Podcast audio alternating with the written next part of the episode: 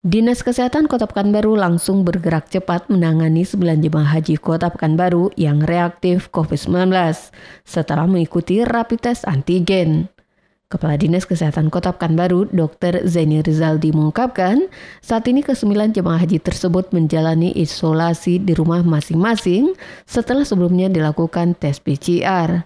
Dituturkan Zaini, kondisi kesehatan ke-9 jemaah haji tersebut masih dalam kondisi baik dan hanya mengalami flu dan batuk ringan. Untuk keluhan lainnya sampai saat ini tidak ada.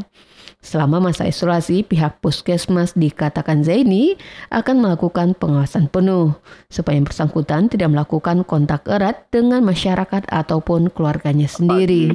Hari tadi, dini hari tadi kan, itu kan uh, kloter jemaah haji uh, Pekanbaru kan datang tuh.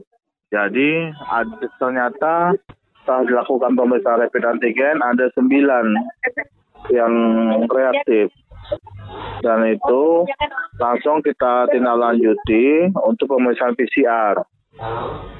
Namun untuk saat ini uh, yang bersangkutan sambil menunggu hasil PCR-nya kita isolasi uh, apa namanya uh, mandiri di tempatnya masing-masing. Secepatnya lah begitu dapat nanti langsung kita informasikan. Iya, tetap kita awasi melalui puskesmas supaya jangan yang bersangkutan itu kontak dengan masyarakat ataupun keluarganya sendiri gitu. Saya ternyata nggak ada keluhan sih. Desi Suryani itu meliputan Barabas melaporkan.